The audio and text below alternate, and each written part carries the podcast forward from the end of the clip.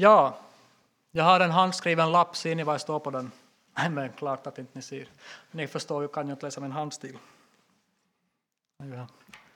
Då ska jag läsa för er. Förutsättningen för att förstå de heliga sakerna är en djup inre ödmjukhet och en djup inre enfald. Ett citat som jag har läst i en bok. Förutsättningen för att förstå de heliga sakerna är en djup inre enfald, djup inre ödmjukhet. Vad är vishet? Vi lever i en tid av förvirring. Som vi sa, många olika röster som hörs och som ropar följ med oss. Många påstod att de var visa, säger aposteln, men de blev dårar. Och vi kan nog utan att blinka säga att det är nog exakt likadant i vår tid. Många påstår att de är visa, men de har blivit dårar. Eh, när vi pratar om vishet eller kunskap så kan vi göra en liten skillnad som vi behöver hålla i minnet. Eller om vi säger så här. Jag tror att det var John Bunyan som skrev i en bok som heter Överflödande nåd mot den största av alla syndare. Skrev han en berättelse. Två män, två män var ute på promenad. Och så kommer de fram till ett hus som, som står i eld och lågor, ett hus som brinner. Och så hör de ljud inifrån huset. Och så säger den ena mannen Hörde du? Lät inte det här som barnskrik i huset som brinner? Och den andra han rusar iväg mot huset som står i brand. Och under tiden tar han av sig rocken så att när han kommer fram till dörren så täcker han ansiktet med rocken, drar upp dörren och går in i huset för att söka efter människor, om det finns någon vid liv. Okej, okay. två män med samma kunskap. Visst? De såg huset som brann. Båda hörde samma sak. För en av männen blir kunskapen levande. För den andra så är kunskapen bara en kunskap. Är ni med?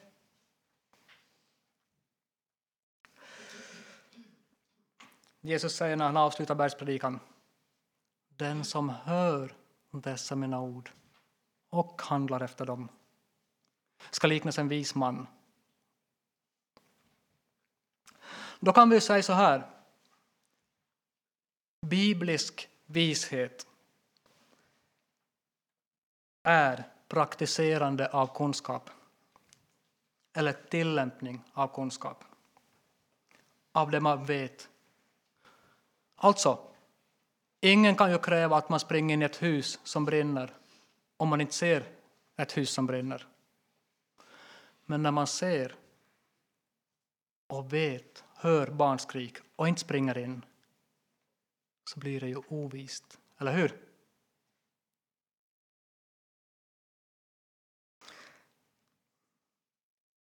Ofta, oftast när vi handlar ovist så gör vi det för att vi tänker på jag, mig, min och mitt.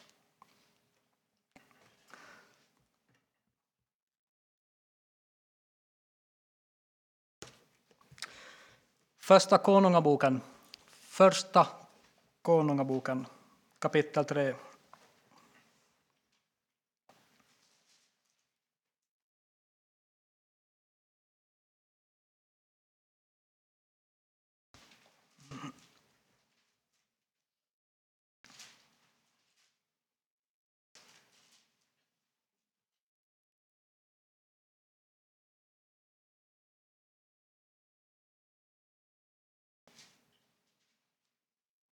Ja, om vi läser från början. I Jesu namn. Genom giftermål blev Salomo släkt med farao, kungen i Egypten. Han tog faraos dotter till hustru och förde henne in till Davids stad. Där fick hon bo till dess han hade byggt sitt hus färdigt, liksom Herrens hus och muren runt omkring Jerusalem. Men folket offrade på höjderna eftersom ännu inte något hus hade blivit byggt åt Herrens namn. Salomon älskade Herren och följde sin fader Davids stadgar, utom det att han offrade på höjderna och tände rökelse där. Kungen begav sig till Gibeon för att offra, detta var ju den förnämsta offerhöjden, och Salomo offrade ett tusen brännoffer på altaret där. I Gibeon visade sig Herren för Salomo i en dröm om natten. Gud sade, bed mig om det du vill jag ska ge dig. Salomo svarade, du har visat stor nåd mot din tjänare, min fader David, därför att han vandrade inför dig i sanning och rättfärdighet och med ärligt hjärta mot dig. Du bevarade åt honom denna stora nåd och gav honom en son som nu sitter på hans tron, så som det är idag. Du, Herre min Gud, har nu gjort din tjänare till kung efter min fader David. Men jag är bara en ung man, jag vet varken ut eller in. Din tjänare är här bland ditt folk som du har utvalt, ett folk så stort och talrikt att det inte kan räknas på grund av sin mängd. Ge din tjänare ett lydigt hjärta. Ge din tjänare ett lydigt hjärta så att han kan vara domare för ditt folk och skilja mellan gott och ont. För vem kan annars vara domare för detta stora folk? Det behagade Herren att Salomon bad om sådant. Gud sa till honom, eftersom du inte har bett om detta och inte bett om ett långt liv, inte heller om rikedom eller om dina fienders liv, utan om att kunna förstå vad som är rätt. Se, därför vill jag göra som du önskar och ge dig ett så vist och förståndigt hjärta att någon lik dig inte har funnits före dig och inte heller ska komma efter dig.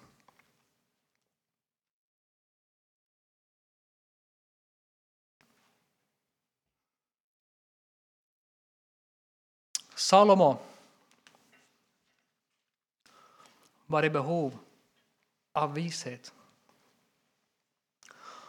Han var ju kungason till David. David som hade varit kung i Israel efter Saul, ungefär 40 år. Nu var han död. Det fanns egentligen, egentligen fanns det inga riktiga regler för vem som ska bli kung eller bli Israels nästa kung när en dör. Och David hade ju många söner och en del av dem försökte göra anspråk på tronen. Och jag tänker att kanske hade det mest naturliga varit om Davids äldsta son Amnon hade blivit kung. Men han hade ju, som ni kommer ihåg, mördats av Absalom. Och eftersom, Absalom, eftersom Amnon hade våldfört sig på Absaloms syster Tamar. Absalom i sin tur gör ju uppror mot David när David ännu var vid liv. Då. Han var också nära att lyckas med sina planer. Ni kommer ihåg att David var tvungen att fly med sina tjänare från Jerusalem och Absalom satte sig på tronen. Han ledde ett väpnat uppror men förlorade så småningom och blev dödad. Då träder ännu en fram, Adonia, som vi kan läsa i första kapitlet i Första Konungaboken, som gör anspråk på tronen. Hans anspråk, eller hans uppror, var mer fredlig än Absaloms. Men han hade oerhört höga tankar om sig själv. Det är jag som ska bli kung.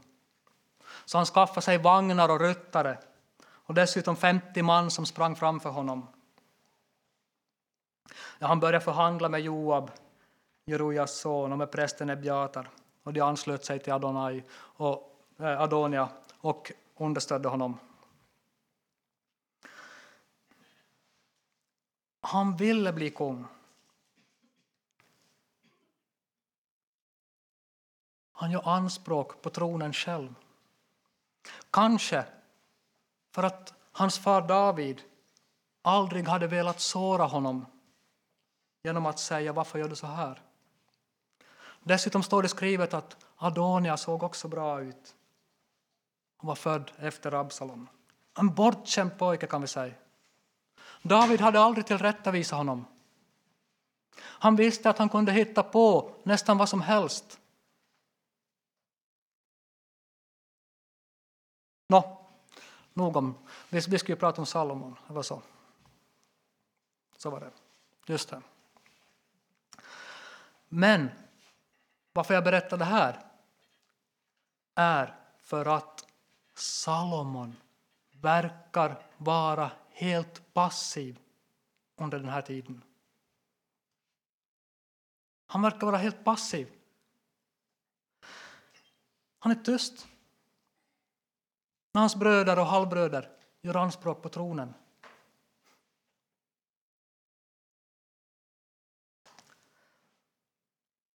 Han litar på profeten Naman. Som var profet på den tiden. Nej, Natan. Profeten Natan. Natan och Batseba gör upp en plan hur Salomo ska få tronen. Hur David ska utropa Salomo till kung. Och det lyckas. Men det som Salomon visste under den här tiden var att det inte är hans strid. Han hade också likt de övriga kunnat ta upp en strid och göra anspråk på tronen. Men han vet en sak, och det är att det inte är hans strid. Och så är det. Om Herren kallar oss till något så är det inte vår strid. Men han var i behov av vishet. Är det någon här som är i behov av vishet? Inte en enda. Bra. Mycket bra. Vi kan ju förstå att ledare i olika positioner behöver vishet. Och Salomo var inget undantag. Men vi behöver alla vishet. Salomo hade vuxit upp hos kung David och han hade garanterat lärt sig en hel del. Fått god undervisning, många goda lärdomar. Och ändå är han i behov av vishet. För det första, Salomo blev kung i väldigt unga år. Ja, han säger ju, du Herre, min Gud, han har gjort din tjänare till kung efter min fader David. Men jag är bara en ung man som vet varken ut eller in. Alltså han vet att Herren har satt honom på platsen som kung. Du Herre, min Gud, har gjort mig till konung. Kan vi säga så här att för att vara kung i Israel så behöver man ha både andlig och konungslig vishet. Sådant som vi kan säga normalt sett tänker vi att kommer med åren och erfarenhet. Och så är Salomon bara en ung pojke.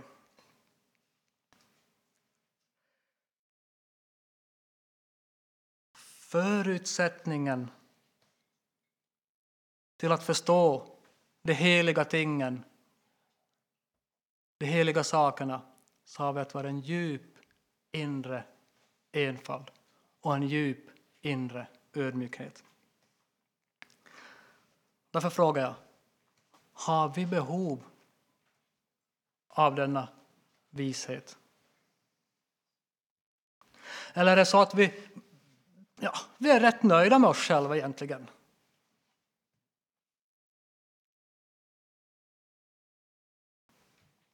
Vers 1. Genom giftermål blev Salomo släkt med farao, kungen i Egypten. Han tog faraos dotter till hustru och förde henne in till Davids stad. Alltså, Salomon ingår ett politiskt äktenskap med faraos dotter. Och det här var inte helt ovanligt på den tiden, men det var nog inte speciellt vist. För det första vill jag säga så här, att överhuvudtaget ingå äktenskap med en hedning, en icke-kristen och en kristen, det är ovist. Det är ovist.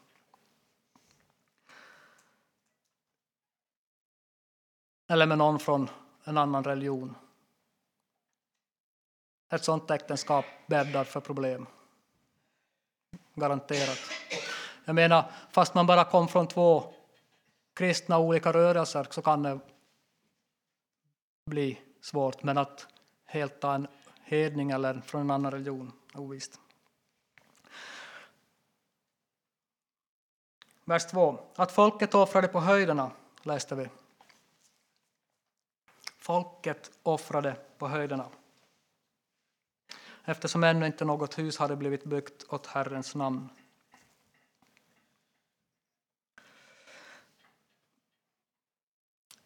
Vanligtvis i Bibeln, när vi läser dylika uttryck, att folket offrade på höjderna, så är det fråga om avgudaoffer. Vanligtvis. Visst är det så? Men här behöver det inte vara frågan om att det var frågan om avgudaoffer, utan det kan vara möjligt att det bara är fel plats de offrar på och inte på de ställen som Herren har utsett. Hur som helst, om de offrar avgudaoffer eller på, bara på fel plats så behöver Salomon vishet på grund av det här. Och en sak till som kommer fram i vår text, varför Salomon behöver vishet. Det är verkligen, när vi läser vers 3, Salomon älskade Herren och följde sin fader Davids stadgar. Alltså, David hade varit en oerhört populär kung i Israel. Oerhört populär. Och att bli kung efter David, där hade garanterat sina utmaningar. Och där behövde verkligen Salomon vishet. Det är aldrig lätt att axla manteln efter David. Garanterat inte. Men han älskade Herren, han följde Davids stadgar, utom att han offrade på höjderna och tände rökelse där. Från vers 4 kan vi läsa att Salomo går till de förnämsta offerhöjden i Gibeon. Det kan vara så att det står att det var den förnämsta, om tabernaklet var där, jag vet inte. Men hur som helst, på natten efter offerfesten så har Salomo en dröm. Gud sa, be mig om det du vill och jag ska ge dig. Och vad ber Salomon om?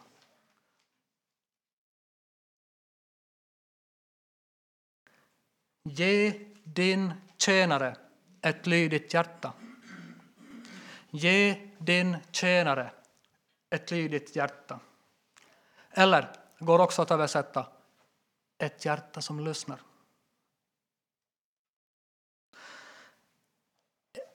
Ett lydigt hjärta eller ett hjärta som lyssnar.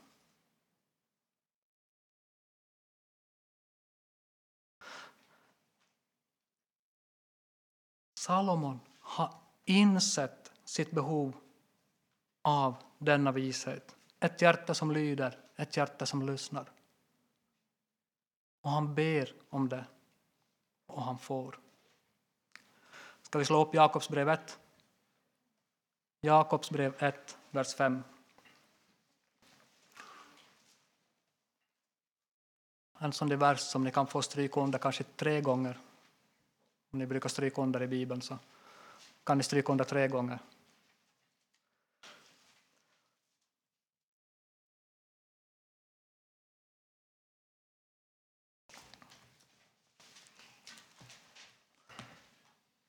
Om någon av er brister i visdom skall han be till Gud som ger åt alla billigt och utan förebråelse, och han ska få den.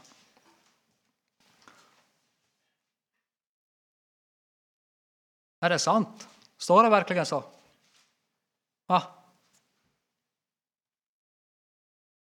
Hej, vilket löfte! Om någon av er brister i visdom ska han be till Gud som ger åt alla villigt och utan förebråelse, och han ska få den.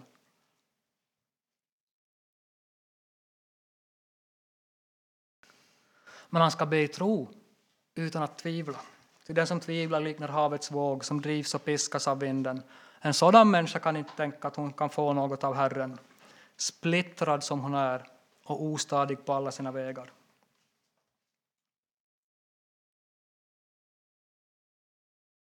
Nå, nu har vi sagt att det finns två sorters visdom. En falsk som världen ger, köttet, som inte är god utan ond. En människas väg kan se så bra och rätt ut från hennes egna ögon men ändå till slut leda till fördärvet. Och om nu människans vishet består i förmågan att finna Guds viljas väg och vandra den då är det första som behöver komma till människan Guds fruktan. Ordspråksboken 9.10. Att frukta Herren är början till vishet. Att känna den Helige är förstånd. Att frukta Herren är början till vishet. Ordspråksboken 9.10. Att känna den Helige är förstånd. Att frukta Herren, säger Ordspråksboken, det är att hata det onda högfärd, högmod och ett ont levande och en falsk mun, det hatar jag. För att det som är ont kommer från den onde, det som är gott kommer från Herren. Och säger också Jakob i fortsättningen i första kapitlet. All god gåva och all fullkomlig skänk, säger han, kommer ner ovanifrån från himlaljusens fader hos vilken ingen förvandling finns eller växlingens skugga. Efter sin vilja har han fött oss på nytt genom sanningens ord för att vi skulle vara en förstling av hans skapade varelser. All god gåva och all fullkomlig skänk kommer ner ovanifrån, från himlaljusens fader. Och vad är då den största och fullkomligaste gåvan som har kommit ner ovanifrån? Han heter Jesus Kristus från Nasaret. Han är den gåvan som har kommit ner ovanifrån. Och då säger vi, allt det som kommer från mig, från jag, mig, min eller mitt, är inte gott. Och därför säger Gud, jag ger inte min ära åt någon annan. Jag ger inte min ära åt någon annan. Det betyder att allt vad som heter ära och berömmelse tillhör Gud och ingen annan. När alltså jag tillräknar mig själv något gott som en egen bedrift eller att jag föreställer mig själv som god eller när jag uträttar något och tror att det goda kommer från mig, då gör jag två saker. Två saker. Jag tar någonting av Gud. Jag tar någonting av Gud som inte var mitt. Jag förminskar Gud. Men dessutom så tillägnar jag det mig själv. Och så förstorar jag mig själv och förminskar Gud. Och det leder till en annan sak. Jag utestänger mig från den vishet som Salomon bad om. Jag utestänger mig från den sanna visheten. Därför lär oss aposteln Paulus i Första Korinthierbrevet 1 om den sanna dårskapen och den sanna visheten. Om korsets dårskap som utestänger människans egen berömmelse helt. Människans visdom går inte ens att jämföras med Guds. Och det är därför som Paulus lär oss att vi ska lägga bort den världsliga, den egna visheten så att vi kan säga med Salomon, jag vet varken ut eller in.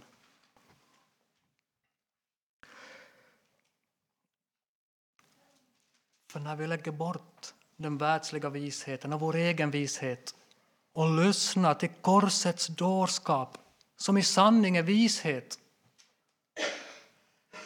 Evangeliet om Jesus Kristus från Nasaret i den heliga Andes kraft, då kan Anden lägga orden på våra hjärtan. Anden undervisar oss i evangeliet när vi i ödmjukhet tar emot det. Att frukta Herren är början till vishet. Att känna den Helige är förstånd. Salomo bad om ett hjärta som lyssnar och lyder. Och det behagade Herren. Gud vill ha sådana barn. Han vill ha sådana hjärtan som lyssnar. Som lyssnar till hans röst, lyssnar till hans ord. Och som vi har sett och som löftet är så stort till oss idag att vi får be om det. Salomon bad om det och Herren gav ett vist och förståndigt hjärta. Lyssna till Herrens röst.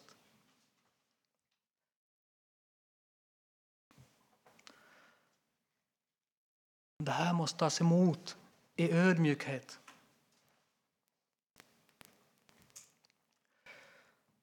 Och Salomon kan verkligen få intyga för oss idag att det är Gud själv som är den sanna visheten. Och att också vi behöver den. Jag säger, om Salomon behövde vishet så behöver då jag vishet. En vishet som lämnar den egna viljan till sidan och längtar efter Gud och det himmelska. För ingenting annat kan med rätta kallas vishet än den som överensstämmer med Gud och hans ord. En vishet som leder till salighet, till det eviga livet. Även om vägen ofta är kantad med stenar och stobbar. Och törnen, när de egna tankarna, de egna känslorna och det egna jaget ska trampas under fötterna Det står i apokryferna att vishet börjar när man längtar efter fostran. Och vishet äger den som tar emot råd. Ja, må det vara Herrens vilja att han ska undervisa oss de här dagarna som står kvar om den vishet.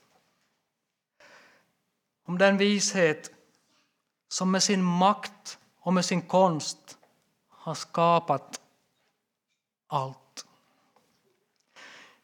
I visheten bor det en ande som är helig. En vishet som är helt ensam i sitt slag. Mångfaldigt i formen. Klarsynt. Skärpt en syndares vän, underbar herde. Han är ett återsken av Guds ljus, en spegling av Guds verksamhet. Han är en avbild av Guds godhet. Han är en, men han förmår allt. Han är oföränderlig, men gör allting nytt. I släkte efter släkte söker visheten efter ett ödmjukt hjärta där han kan ta sin boplats. Skriften säger att i honom bor hela gudomens fullhet i kroppslig gestalt. Kolosserbrevet 2.9. I honom är det vi lever, rör oss och är till. Apostlagärningarna 17 vers 28. Han utstrålar Guds härlighet och uppenbarar hans väsen och uppehåller allt med sitt ord. Hebreerbrevet 1, 3. Lycklig är den människa som har funnit vishet. Ordspråksboken 3.13. Lycklig är du om du har funnit visheten. Honom har ni att tacka för att ni är i Jesus Kristus som Gud för oss har gjort till vishet, rättfärdighet, helgelse och återlösning. Visheten fick ett namn och man gav honom namnet Jeshua för han skulle frälsa sitt folk från deras synder. Då kan vi förstå varför skriften säger i Andra Korinthierbrevet, jag kommer ihåg rätt, kapitel 5. Om någon är i Kristus Jesus är han en ny skapelse. Se det gamla är förbi och något nytt har kommit. Bli vis, mina vänner. Bli vis. Bli i Kristus Jesus. Bli vis. Låt Herren Jesus Kristus få vara Herre i ditt hjärta. För om du låter han vara Herre i ditt hjärta, då kommer han att bli Herre i ditt liv. Och då ger du honom friheten att han får utöva sitt herravälde i dig och genom dig.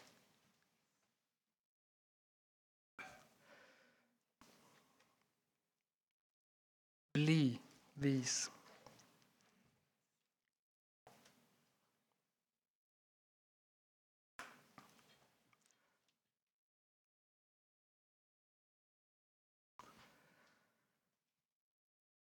Om vi hade läst vidare från vers 16, Första Konungaboken kapitel 3 har vi fått se på vilket sätt visheten som Salomo får tar uttryck.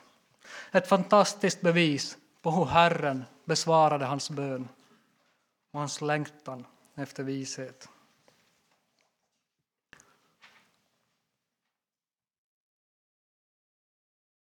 När vi säger amen så knäpper vi våra händer. Ja, Herre Gud, allsmäktig, himmelens och jordens skapare. Vi tackar dig, Herre, för att du är och har gjort Jesus Kristus till vår vishet, helgelse, och återlösning och förlossning. Och vi tackar dig, Herre, för att du har i ditt eget ord sagt att om hos någon fattas vishet så får de be av dig och du ska ge. Och Herre, nu ber vi om din Andes vishet, om din ledning. Vi ber dig, Herre, att du som har all makt i himmelen och på jorden, du ska komma till oss resten av den här dagen och resten av de dagarna vi får här med din vishet. Vi ber dig, Herre, att du ska få leda oss i sanning. Du som själv är sanningen. Vi ber dig, Herre, att du ska få leda oss på vägen, för du är själv vägen. Vi ber, Herre, att du ska få leda oss var och en till din himmel. Och jag ber, Herre, för var och en som är här idag. Herre, du ser och du känner och du vet vad var och en behöver. Herre, jag ber att ingen enda, ingen enda skulle fattas på den stora, stora dagen utan att var och en ska ha funnits vara i dig. I Jesus Kristus. Amen.